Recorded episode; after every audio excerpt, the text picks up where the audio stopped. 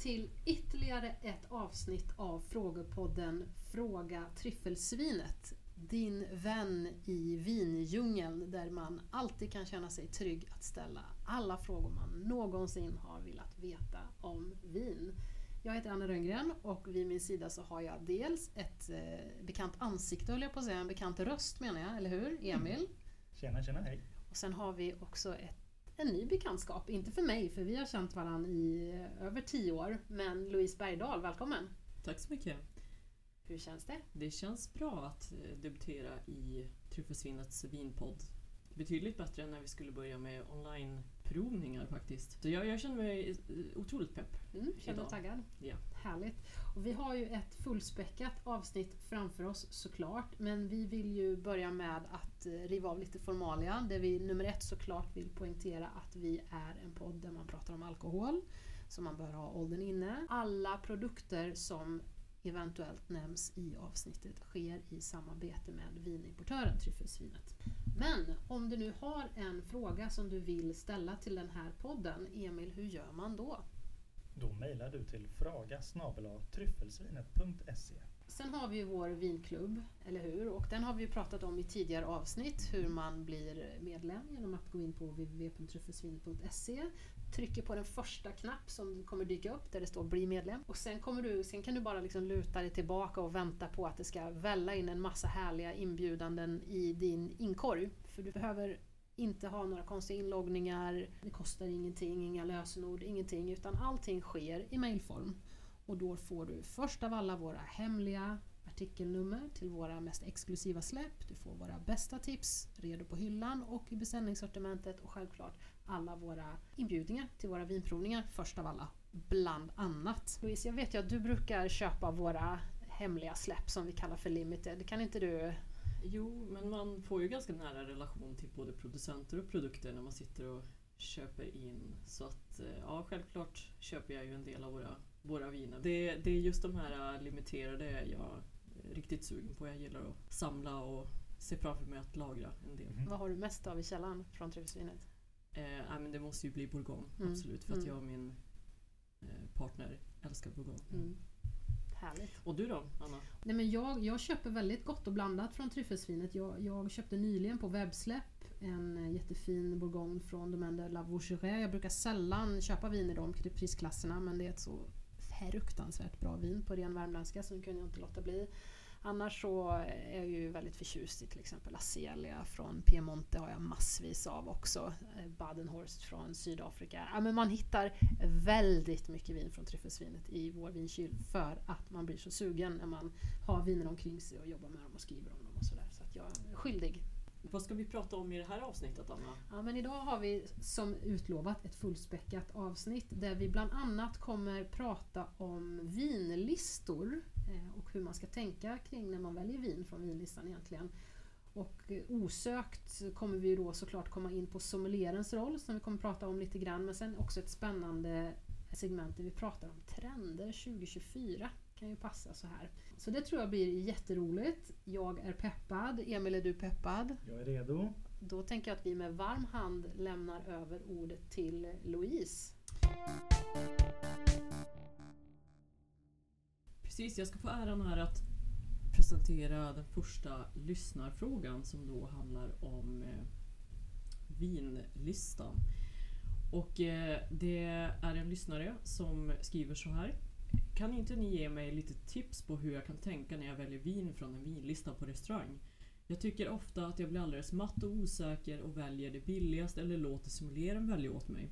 Tips tas emot tacksamt. Och det här är ju en väldigt intressant fråga som inte är helt enkel att svara på. Jag kan verkligen känna in med den här lyssnaren. Skapar ibland osäkerhet att få den här vinlistan oavsett vilken kunskapsnivå man har. Det ska vi absolut grotta in oss på. Ja, och jag kan hålla med om det jättemycket. Jag tittade på det lite grann när jag skrev min magisteruppsats och nu ska vi inte grotta ner oss för frågan var inte varför man känner så, men bara för att låta folk känna sig lite tryggare i att det är inte konstigt att man känner så. Det finns en hel liksom, vetenskaplig teoribildning bakom det här som kallas för perceived risk theory som handlar om att konsumenten lätt blir väldigt osäker när det handlar om att välja. Det handlar inte bara om vin men forskningen pratar mycket om just det här med vin för att det är ett så stort och brett ämne som man kanske känner att man inte har tillräckligt mycket kunskap kring. Framförallt eftersom vinkunskap oftast har sett som någonting väldigt fint. Då är det också lätt att man blir väldigt, liksom, osäkerhet. det skapar lite osäkerhet. Så att, eh, Förväntningar exakt. på att blotta sina kunskaper. Ja men precis. ämne. Så det är ett jättespännande ämne tycker jag att prata om. Precis, och för att eh, börja i en ände så ska vi prata lite grann om vad en sommelier är och vad den, den personen gör. Anna, kan du ge oss en definition av ordet sommelier? Mm, det gör jag så gärna. Jag har nämligen i sann TV-kocksanda förberett mig här och lärt mig att ordet sommelier är ett substantiv och ett franskt låneord. Och jag har kollat upp två stycken eh, mycket anrika uppslagsverk, nämligen Cambridge Dictionary som säger så här, lite engelska då en liten stund här. Someone whose job is to serve and give advice, advice about wine in a restaurant. Och Merriam-Webster säger ungefär samma sak när de säger A waiter in a restaurant who has charge of wines and their service, a wine steward. Så helt enkelt en vinkypare skulle man kunna säga. Sen var jag också inne på Wikipedia och kollade lite vad de säger. Och Säga vad man vill om Wikipedia men jag tyckte att deras definition av en sommelier stämmer väldigt bra överens med min bild av det hela. Och det är helt enkelt en, en utbildad och kunnig vinprofessionell person som oftast jobbar inom fine, eh, liksom fine dining restaur- restaurang, liksom en finkrog. Som har specialiserat sig i alla aspekter av vinservice, det vill säga vin och matkombination och servering såklart, men också hela inköpsbiten, inventering och träning av personalen. Och rollen som sommelier i fine dining är helt enkelt mer specialiserad och kunnig än en, vad ska man säga, en vanlig vinservitör så att säga. Och eh, de pratar också om att ordet sommelier är en jobbtitel som vem som helst kan kan, vem som helst kan kalla sig sommelier. Det finns, inget, det finns Mm. ingen skyddad titel. Men för att bli en professionell och certifierad sommelier så kräver det oftast utbildning och erfarenhet, träning och i många fall till och med liksom en, ska man säga, en, en bachelor's degree säger man på engelska, filkand säger man på svenska. Va? Det är ju vad du och jag har till exempel, treårig utbildning. Det är, inte, det är inte ett krav men ofta så kan det vara så. Och eh, att man behöver ta både kurser och examineras på det här. Jag håller med Anna. Ja, min eh, bild stämmer väl överens med Wikipedia och eh, jag läste här eh, faktiskt igår ett nummer från en mycket bra tidning som heter Törst som faktiskt har skrivit ett helt nummer om sommelieren där det så väl beskrivs hur viktig den praktiska och den teoretiska kunskapen är för en sommelier. Mm. En sommelier är ju en person med eh, kunskap om att kunna öppna och servera vin som man inte nödvändigtvis kan lära sig i en vinkurs, Just det, eh, den precis. teoretiska Mm. vägen, utan det handlar faktiskt om ett viktigt hantverk. Och för mig är just det en yrkesstolthet för sommelieren att kunna liksom utföra mycket praktiskt som sitter liksom i ryggmärgen, i, i händerna. Eh, sen behövs det såklart underbyggas av teoretisk kunskap också. Men, eh, men- eh, om- du frågar mig så är det de två delarna otroligt viktiga. Praktiska och det teoretiska. Mm. Ja. Eh, och Anna, du har ju faktiskt eh, jobbat, eh, du har ju varit yrkesverksam sommelier på en väldigt hög nivå. Kan inte du berätta lite om dina erfarenheter som sommelier? Ja, det kan jag väl absolut göra. Det är um, roligt jobb. Tungt, sena kvällar, långa dagar, tunga lyft med allt vad restauranglivet innebär. Ibland så tror jag att det är lätt att få en bild av att åh vad fantastiskt du är sommelier, du får dricka så goda viner hela tiden och det får man ju inte i den aspekten utan i din yrkesroll så smakar du av vinerna supersnabbt under service och springer man iväg till bordet. Men men det jag tar med mig är ju alla fantastiska vinupplevelser som man har gett till sina, sina gäster. Och sen är det ju någonting otroligt häftigt att få bygga en vinlista och för mig var hela grejen med att bygga vinlista inte bygga kanske en vinlista som reflekterade min personliga smak utan var både bred och djup och att de flesta skulle kunna hitta någonting som man gillade. Jag har väl kanske själv personligen lite svårare för listor där, det, där man säger okej den här sommelieren gillar bara de här ursprungen. Utan för att vara en bra sommelier tycker jag så ska man liksom visa sin bredd och sitt djup utifrån sitt yrkeskunnande på något vis. Det var det jag strävade efter i alla fall. Men, eh, precis. Det är inte din personliga vinlista du bygger utan det är ju en vinlista, eller den blir ju såklart personlig men det är ju för andra som Precis, man bygger den. knepet som sommelier är att kunna hitta de bästa och mest högkvalitativa vinerna och få till de bästa priserna såklart. Liksom. Men Louise, du har ju också jobbat som sommelier, eller hur? När jag var anställd sommelier på en vinklubb då så skulle jag säga att det var liksom bara delar av sommelieryrket så som jag ser på det som innefattades. Och det var absolut servering av vin och praktiskt hantverk eh, kring servering och även sina teoretiska kunskaper ställdes på prov. Men jag har ju liksom inte på det stället jobbat med det här eh, köpa in, bygga vinlista som jag tycker är en så otroligt viktig del i sommelieryrket. Så jag har varit eh, anställd sommelier men jag skulle inte vilja säga att jag jag känner mig inte helt bekväm med att eh, påstå det så att säga. Utan jag känner mig mer bekväm med att säga att jag är utbildad eh, sommelier. Men att jag inte är yrkesverksam som sommelier heller. Det är ungefär så. Ja, eh, jag fattar. Jag, jag kan hålla med också där att jag kallar mig inte sommelier nu. Jag kallar mig, jag, har, jag är utbildad sommelier, jag har jobbat som sommelier och jag har utbildat andra sommelierer. Men nu kallar jag mig väl snarare, jag tror på Instagram skriver att jag är ex-sommelier eller någonting. För för mig är det viktigt att poängtera att nu är jag, nu är jag det jag gör nu och jag är inte sommelier. Även om jag har sommelierkunskaper och skulle kunna jobba som sommelier. Men jag är inte sommelier nu. Jag har eh, på tal om just eh, det här ämnet förberett fem stycken frågor som är, kan upplevas lite kluriga. Jag, eh, är du beredd? Mm. Är du beredd Emil? Ja, Mm. kör. Mm. Bör sommelier vara en skyddad titel? Så frågar du mig så tycker jag nog att det kan vara bra som det är. Nej, jag tycker inte att det behöver vara en skyddad titel. Vad tycker du Emil? Jag tycker antingen skyddad titel eller så en idé som poppar upp i huvudet är att man kan dela in det i, i steg. Men vad sägs om att jag är sommelier steg 1, 2, 3, 4? Mm. Just det. Exempelvis Mm, att bara visa att är du på steg 4, ja men då har du den praktiska och teoretiska kunskapen. Du har jobbat inom service, du har byggt en vinlista, du kan ekonomin. Så gör ju munskänkarna lite grann med sina Mm. kunskapssteg. Ja, Mm. absolut. Är du på nivå 4 kan du både inventera och eh, dekantera. Kanske. Ja, ett Ja. exempel. Ja. Kan man utge sig för att vara sommelier om man har gått en vinkurs?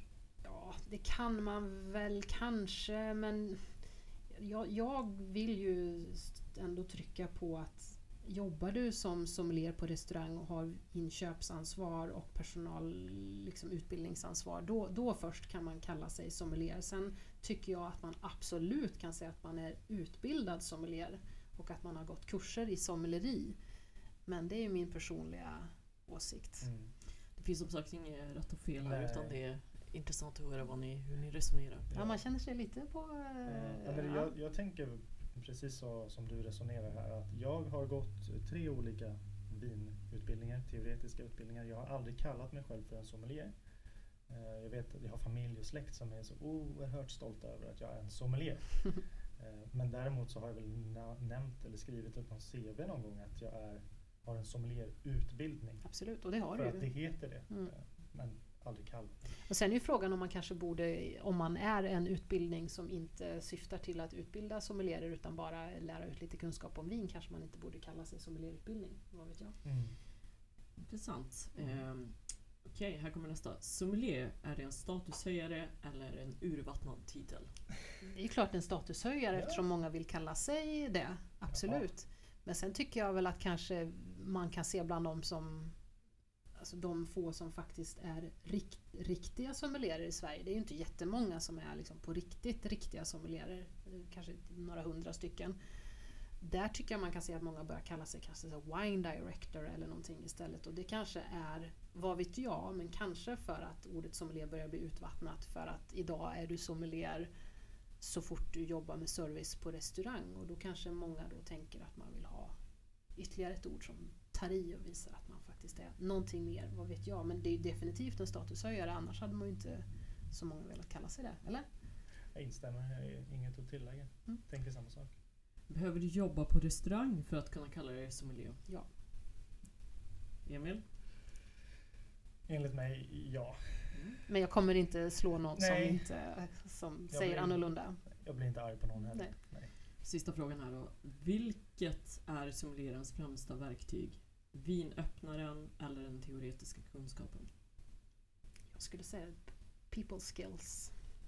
Att kunna ta hand om gäster på ett bra sätt. Det är ju det som mycket handlar om, att ge gäster en bra upplevelse. Sen, allting går ju hand i hand. Alltså, säg att du är jättebra på Bourgognes alla Premier Cryer men kan inte öppna en vinflaska. Då, det går ju inte ihop. Så det, allting det där hänger ju ihop jättemycket. Har du dåligt ekonomiskt sinne kanske du inte kommer ha din anställning kvar så länge. Så att för min del, för att vara en vass sommelier så behöver du ha alla verktygen i verktygslådan. Tänker jag. Smart. Skulle jag behöva välja en skulle jag nog gå i ditt spår i, i försäljningsspåret. Kunna sälja in något till en kund. Intressant att höra hur ni Ja, resonerar. jag känner mig helt på sträckbänken här. Vad, vad har Mm. du att tillägga här nu som kommer med dina kluriga frågor så vi får blotta strupen här. Vad, vad har du något att tillägga? får gärna förbereda några kluriga frågor till mig nästa gång Anna. Så, så Ah. jag tyckte ni att det var ett intressant eh, resonemang. Jag känner mig exposed men jag vill bara säga att alla får vara sommelierer om de vill. Men om du frågar om mina personliga åsikter så, så tycker jag att man är sommelier när du är anställd som sommelier på, på ditt jobb. Annars får man säga att man är utbildad sommelier, certifierad sommelier eller någonting. Men att vara sommelier, då är du sommelier. Okej, men för att eh, hjälpa våra lyssnare då så ska vi ju självklart besvara frågan som handlade om vinlistan och hur man ska, man, hur man ska gå tillväga för att när man får, får vinlistan i handen och känner sig osäker. Och för det här kan ju såklart många vara, det kan ju för många vara grekiska att få vinlistan i handen. Och då behöver vi liksom hjälpa den här lyssnaren med att förstå vilket modus man, man skulle kunna använda sig av.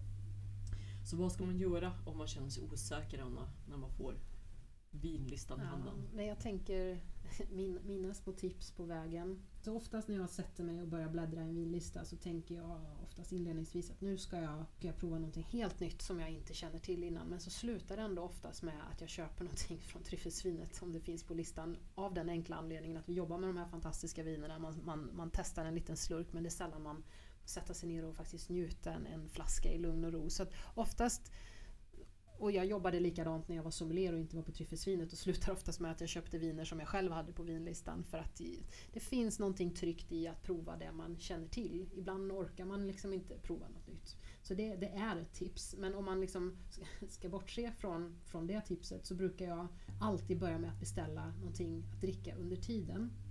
Och det kan antingen vara ett glas champagne eller en liten sån galoppöl, en drink med eller utan alkohol bara så att man som tar bort den initiala stressen av en sommelier eller kypare som står och flåsar en i nacken och vill att man ska bestämma någonting snabbt. Då får man något i glaset, fuktar strupen, man får lugna ner sig och sen kan man börja titta lite. Och då brukar jag ha antingen innan eller när jag börjar titta fundera kring ett maxpris som jag vill betala. Och det är ju olika beroende på middag.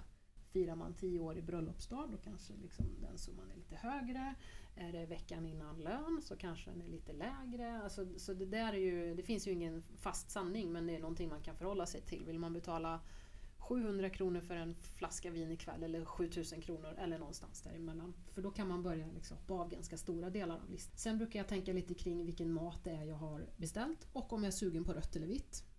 Då, är det, då kan man ju oftast göra det så lätt som att man tänker, är det kött eller fisk? Hur smakrik är maten och vilka tillbehör serveras på tallriken? Och här ska ni få mitt allra bästa tips. Försök aldrig hitta den perfekta kombinationen. Den finns inte. Det kommer, man ska kanske snarare försöka att undvika de uppenbara dåliga kombinationerna. Men ofta så tycker jag att du får till riktigt klockrena kombinationer genom att bara måla med breda penseldrag. Det vill säga att tänka Eh, fisken som jag ska äta väldigt smakrik med mycket smör, sås eller liknande. Eller är det liksom en krispig härlig sushi? Ja, då, då ger ju det en indikation på krispig mat, krispigt vin kanske. Fyllig mat, fylligt vin. Är det en liksom maträtt som skriker efter ett kraftigt rött vin eller en maträtt som skriker efter ett lätt rött vin? Allt det här är ju erfarenhetsbaserat såklart men om man, om man tänker kött, fisk, fylligt lätt så har man väldigt breda penseldrag att liksom förhålla sig till och som gör det lite lättare tycker jag. Anna, kan inte du ge oss ett exempel på en klockrent dålig kombination bara? Ja, ja eh, absolut. Amarone och räkor kanske. Umamin i räkorna och och eh, liksom tanninerna och alkoholen i Mm. en Amarone till exempel kommer gifta sig jättedåligt. Mm. Sen är jag ju alltid av den bestämda åsikten att tycker du att det är gott så kan ju jag ju aldrig komma och säga att det inte är gott. Men om man tittar på teori och praktik så är det väl en jättedålig kombination till exempel. Riktigt kraftigt rött vin och skaldjur. Kanske kan bli ett eh, eget avsnitt. Ja, Vin absolut. Vin och matkombination. Det har faktiskt kommit en fråga om det, så det, det kommer nog någonting här framöver. Men gör man på det sättet så behöver man inte nödvändigtvis känna till en, en viss producent om man liksom är stressad över att jag inte vet vilka de här vingårdarna är först. Eftersom då vet jag att en bourgogne är lättare än bordeaux och då kan man jobba med de här breda penseldragen som jag, som jag pratar om. Och sen är det ju som sagt såklart lätt för mig som har jobbat med det här i 20 år men mitt bästa tips är att våga prova. Försök inte hitta den perfekta kombinationen och gör som den här lyssnaren faktiskt sa i början. Våga fråga personalen, sommelieren och inte kanske för att Åh, jag är så osäker utan snarare om man vrider på det och tänker men här, om det är en bra sommelier som jobbar där med duktig personal då har ju de stenkoll på om det har kommit in något nytt, något spännande, någonting man aldrig hört talas om som kan kanske liksom kittla ens fantasi och som man aldrig hade vågat prova innan. Eller som kan vägleda faktiskt eh, gästerna till någonting de gillar och läsa in oavsett vilket språk man talar och hur duktig man är. Så kan Exakt. man lyssna in och förstå vad gästen är ute efter. Jag tänkte på det när du beskrev liksom vinlistor. Det, det gör det ju inte enklare att alla vinlistor ser så annorlunda ut. Så då kan man ju liksom bara där känna Oj, den här är uppbyggd så här och så här. Så att det, det kan ju bli liksom mycket osäkerhet också kring vart ska Det jag finns kolla. också mycket dåligt skrivna vinlistor som kan vara svårt för en, Ja, exakt. en, Får en man en att liksom, förstå eh, också. bibel eller får man ett papper i Ja. handen? Mm. Men eh, för eh, att summera lite grann så just pris tycker jag för många så, så är ju pris inte grekiska utan man vet ju ungefär vad man är beredd att betala för ett glas vin eller, eller en flaska vin. Jag brukar tänka på att jag gärna vill prova nytt. Mm. Så är det. Eh, också som du nämnde, är jag sugen på vitt eller rött? Vad tror jag kommer passa bäst till maten? Jag brukar tänka på det. Och så väljer jag därifrån. Sen är det ju inte alltid jag och min partner väljer att köpa en hel flaska. Så då blir det ibland från glaslistan. Och då tar vi gärna ett var. Så vi kan smaka lite av varandra. Då kanske det blir ett vitt, ett rött. Eller två olika röda. Det tycker jag är en rolig sak att experimentera med. Och sist jag var på restaurang då hade jag bestämt mig redan innan för att jag visste att det var då, eh, Hotell Åregården uppe i Åre och jag vet att de är en av få som har Bourgogne Blanc från Trapé och jag säger, det spelar ingen roll vad jag äter, det spelar ingen roll någonting, jag ska ha det där jädra vinet och så får det bli. Och så blev det. Precis, du kan ju alltid gå in och kanske kolla, Kolla lite innan. Mm. innan och bestämma dig. Så slipper du den där osäkra pressen Så av kommer man att in och prestera. Peka med hela handen direkt för man har redan exakt lusläst listan innan. Så Skrika känner- i dörren. och imponerar från eh, i sitt umgänge exakt vad man vill ha Mm. idag. Mm. Nej, men det, det, är, eh, det är ju faktiskt ett jättebra tips att gå in och kolla innan om de har lagt upp sin vinlista. Många bra restauranger lägger ju faktiskt upp eh, sin Absolut, vinlista. Och absolut. även eh, mindre bra kan man ju faktiskt hitta. Och sen har jag ett par sista avslutande ord som en vis man från Grums där jag kommer ifrån sa till mig en gång. Allt gott går att blanda, så var inte rädd för att det ska bli fel. Alright, jag har också valt en, eh, en eh, fråga som kommer från signaturen Trendkänslig som lyder Vilka är era bästa spaningar på viner eller regioner som förutspås trenda 2024? Och det där är en fråga som dyker upp, jag brukar få den någon gång varje år eh, och jag tycker oftast att den kan vara, den är lite klurig att svara på och ibland så spår man ju väldigt fel i sin spåkula så att säga. Det finns ju så mycket att ta i beaktande. det Ja, är ju liksom Exakt. trendigt. Alltså vad är trendigt inom vin? Och som man tänker så här, det är ju inte som kollektioner och kläder Nej, och år, I år är det fuxia och nästa år är det koboltblå. Det, det är Exakt, ju inte riktigt... menar, det, det, Nu ska det vara vida byxor och nu ska det vara snäva byxor. Lite Nej. kanske i och för sig ändå. För det kommer ni ihåg när det var så inne att man skulle dricka super super mega kraftiga 200% ny ek i sju år. Liksom alla Robert Parker och nu... Men det, det kommer liksom inte fyra kollektioner av vin Nej. varje år utan det är liksom En kollektion. Det går mycket långsammare eh, så att säga trenderna och de ser olika ut i olika länder. Det kan finnas på global nivå Mm. absolut en trend och eh, såklart en, en trend eh, Exakt. inom ett land. Och sen är ju inte vi ett vinproducerande land.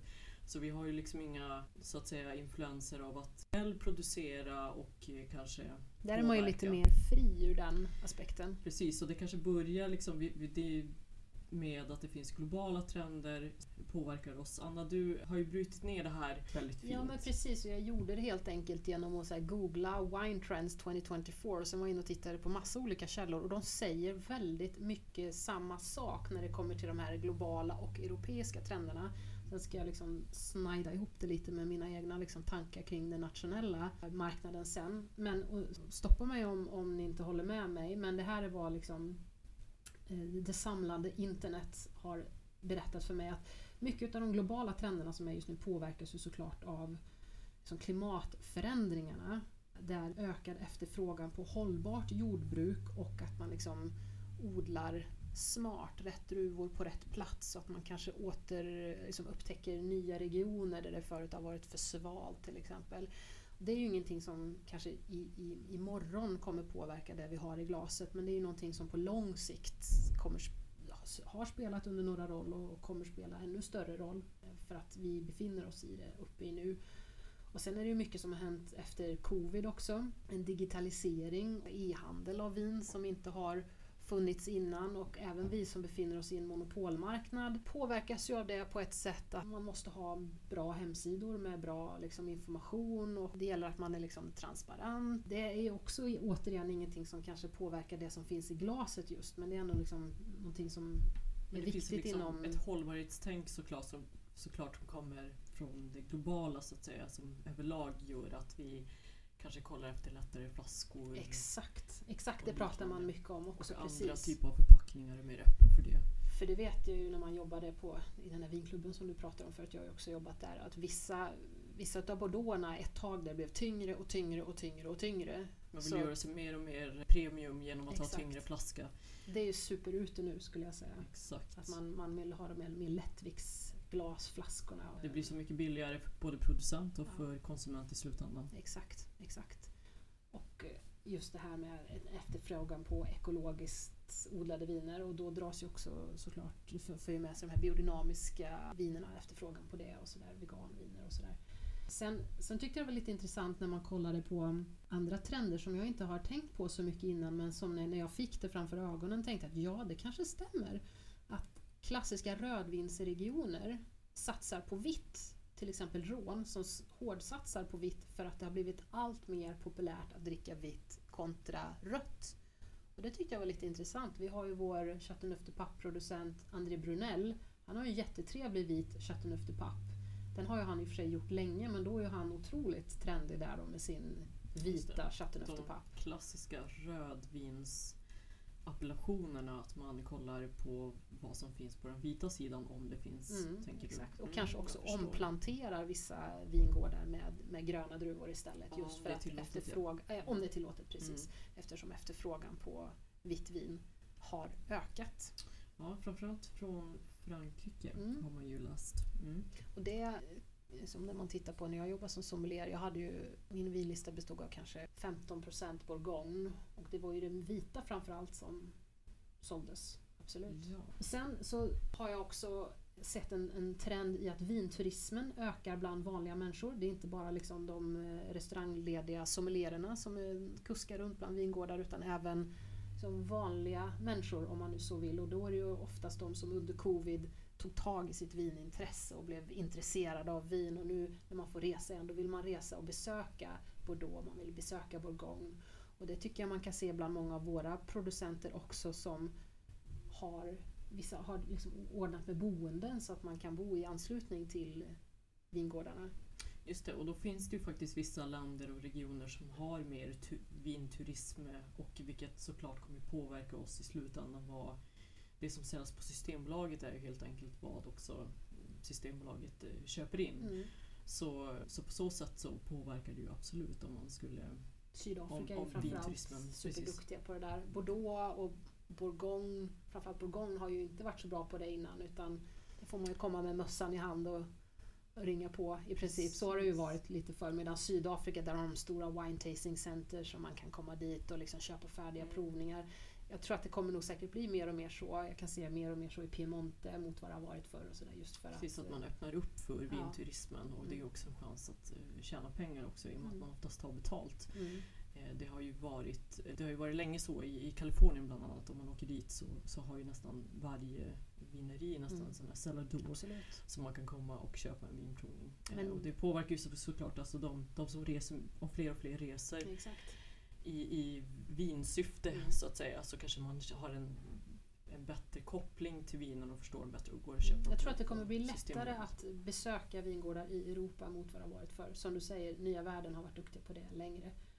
Och sen också en, en, en trend på en fortsatt premiumisering som också har mycket med covid att göra. Att man tog tag i sitt vinintresse och många började prova viner som var dyrare än vad man har provat innan. Och när man väl har fått smak på de här lite, lite bättre vinerna så kanske man går tillbaka igen. Utan då har man vant sig med kvalitet och då tror jag att eh, liksom, lite mer kvalitetsdrivna viner Ja, det är ju faktiskt väldigt bra för, för vår del som satsar på just premiumvin. Men att man oavsett vilken ribba man har på prisnivå så har den kanske generellt Höjts, höjts.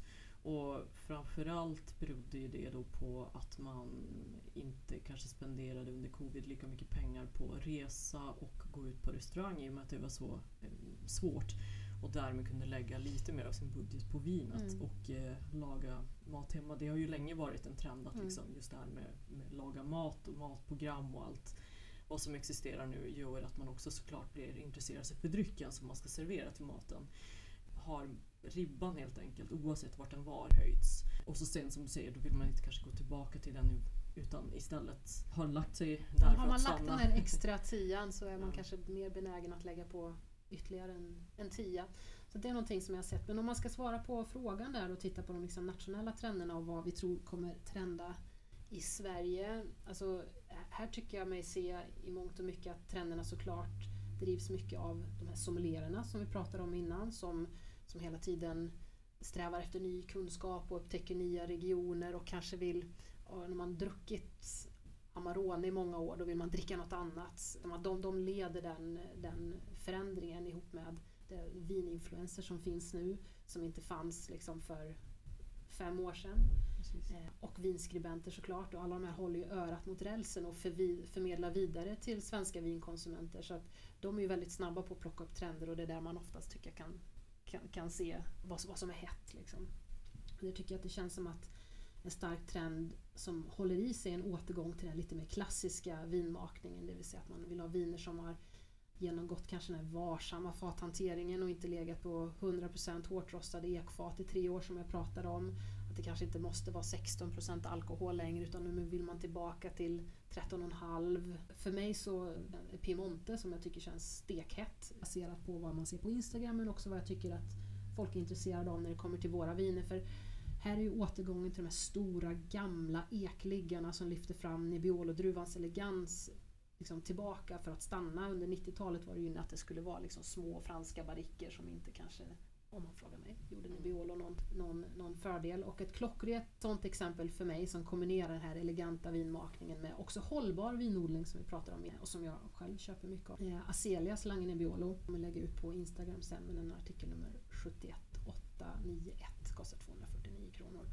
Eh, Det kan kolla på Triffesvinets vinklubb sen. Men det, det är ett sånt klockrent exempel för mig på, på det moderna men samtidigt klassiska Piemonte. Man får känns- liksom druvan i sin renaste form, Exakt. att det inte är för mycket påverkan så att säga vinmakningsmässigt. Utan det är, man vill ha uttrycket av druvans karaktär. Det är ju många som hittar till Bourgogne. Sen, sen så ska man öppna plånboken lite extra mycket då för att eh, köpa viner från Bourgogne om det ska vara åtminstone en, en någorlunda kvalitet. Men där har du ju då två druvor som, som både Chardonnay och Pinot Noir som, som gör sig, den, den, den speglar ju klimatet och uttrycksplatsen så, så väl. terroir-drivna druvor. Liksom. exakt, och eh, det, Ja, men och den moderna vinmedvetna konsumenten är ute ute efter det personliga uttrycket och det kan man ju verkligen hitta i, i de två druvorna. Precis. Absolut. De, och de gör sig också så bra med fat om man nu lägger Mm. på. Men då är ju trenden då att man liksom har inte det allra mest rö- utan att man har väldigt lättrostade fat och lättare fathantering Mm. generellt och den, den eh, trenden är ju såklart inte påverkad av utan det är ju det är en trend bland vinmakare så, såklart att man går från, från det mer fat till mindre fat. Och sen nämner du Bourgogne och det är jag inne på lite i min, min, precis, lite inne i min andra spaning här att det går ju inte att undvika att liksom titta på att det tuffa världsläget med ekonomiska svårigheter också gör att det kanske inte är så förvånande att det är de klassiska ursprungen som Piemonte som jag nämnde innan, Bourgogne som du nämnde också, som, är, som blir eftertraktade. Att man går tillbaka till det man känner till, back to basics. Liksom. Det vill jag liksom personifiera med Jean-Claude Boissiers Bourgogne Pinot Noir Ursulin som ju också har en bra och fin prislapp. Att då kanske man inte köper Grand Cru utan man hittar de här riktigt, riktigt bra Bourgogne Rouge istället som den här. Den finns ju också, finns också på hyllan till exempel. Artikel nummer 78614 kostar... Den kostar 179 kronor. Jag ville bara kolla. Louise. Louise kan alla siffror på det här företaget, det stämmer. Den tycker, jag, den tycker jag också känns som ett väldigt exempel på någonting som är väldigt trendigt att dricka. Ja, den har verkligen speglar ett uttryck av Bourgogne och Pinot Noir på Mm. ett fint sätt med en eh, otroligt härlig balanserad fatkaraktär. Om man bara går tillbaka till vad min mamma köpte när jag liksom var eh, betydligt yngre så var det ju liksom mer de här maffiga vinerna Mm. och de här regionerna där man kunde få liksom lite mera umf och liksom kraftfullhet och även lite sött med de här. Det var ju Mm. otroligt eh, populärt med eh, viner från Italien och framförallt från Veneto. Mm. Men nu känns det som att de här lättare druvsorterna, att folk förstår sig på det bättre. Det är inte bara så här eh, lätta viner längre utan man kan verkligen förstå ett djup Precis. även i de lätta Det är druvsorterna. inte den som smakar mest är bäst utan det kan ju också vara de subtila karaktärerna som, som vägs in också. Exakt, men för att återgå till lyssnarfrågan också eh, så är det ju svårt och trenderna kanske liksom inte är så snabba i Mm, vinvärlden på nej. så sätt. Men min sista spaning är ju också återigen i, i det ekonomiska läget att folk ändå vill dricka bra kvalitet, man vill dricka, kanske dricka bubblor men man kanske inte tycker att man har råd att köpa champagne. Det är ju att man hittar de här andra högkvalitativa vinområdena.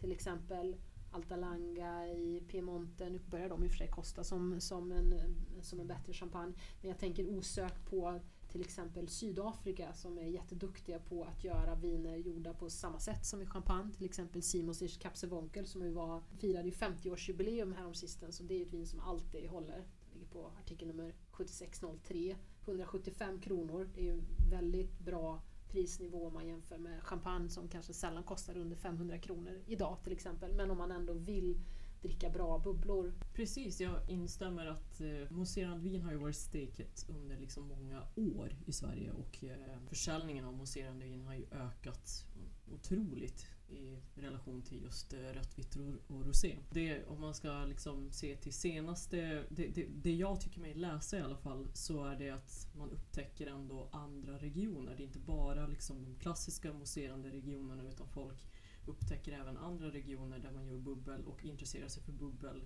Eh, inte, mest, inte bara från de mest klassiska bubbelregionerna. Vilket gör, eh, gör det såklart till en stark trend. Det kan vara allt ifrån Cremant eller som du säger Cap Classic från Sy- Sydafrika.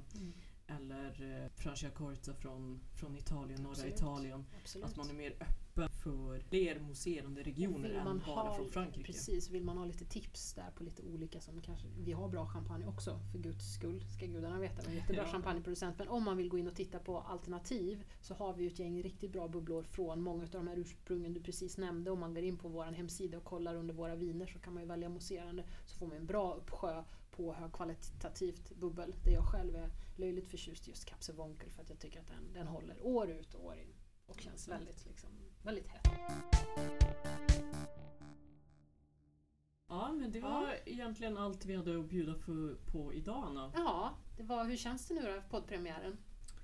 Det känns bra. Det känns som att eh, det här kan vi göra om. Vad sa jag egentligen brukar vara min... Ja, Nej, men skämt eh, åsido. Absolut. Det ska bli kul att hit- grotta i andra lyssnarfrågor. Precis, så skicka in era bästa frågor till fraga.tryffelsvinet.se Bli medlemmar i vinklubben på www.tryffelsvinet.se och spana in oss på Instagram där vi också heter Tryffelsvinets vinklubb. Vi gör det lätt att komma ihåg det bara. Kom ihåg Tryffelsvinets vinklubb så kommer man, kommer man rätt förr eller senare. Så, Så- ses vi om två veckor igen helt Precis, enkelt. precis så eh, hoppas vi att vi kan berika er med ny kunskap genom vår frågepodd. Tack så mycket för idag. Tack så jättemycket. Ha det gott. Tack för idag. Hej då.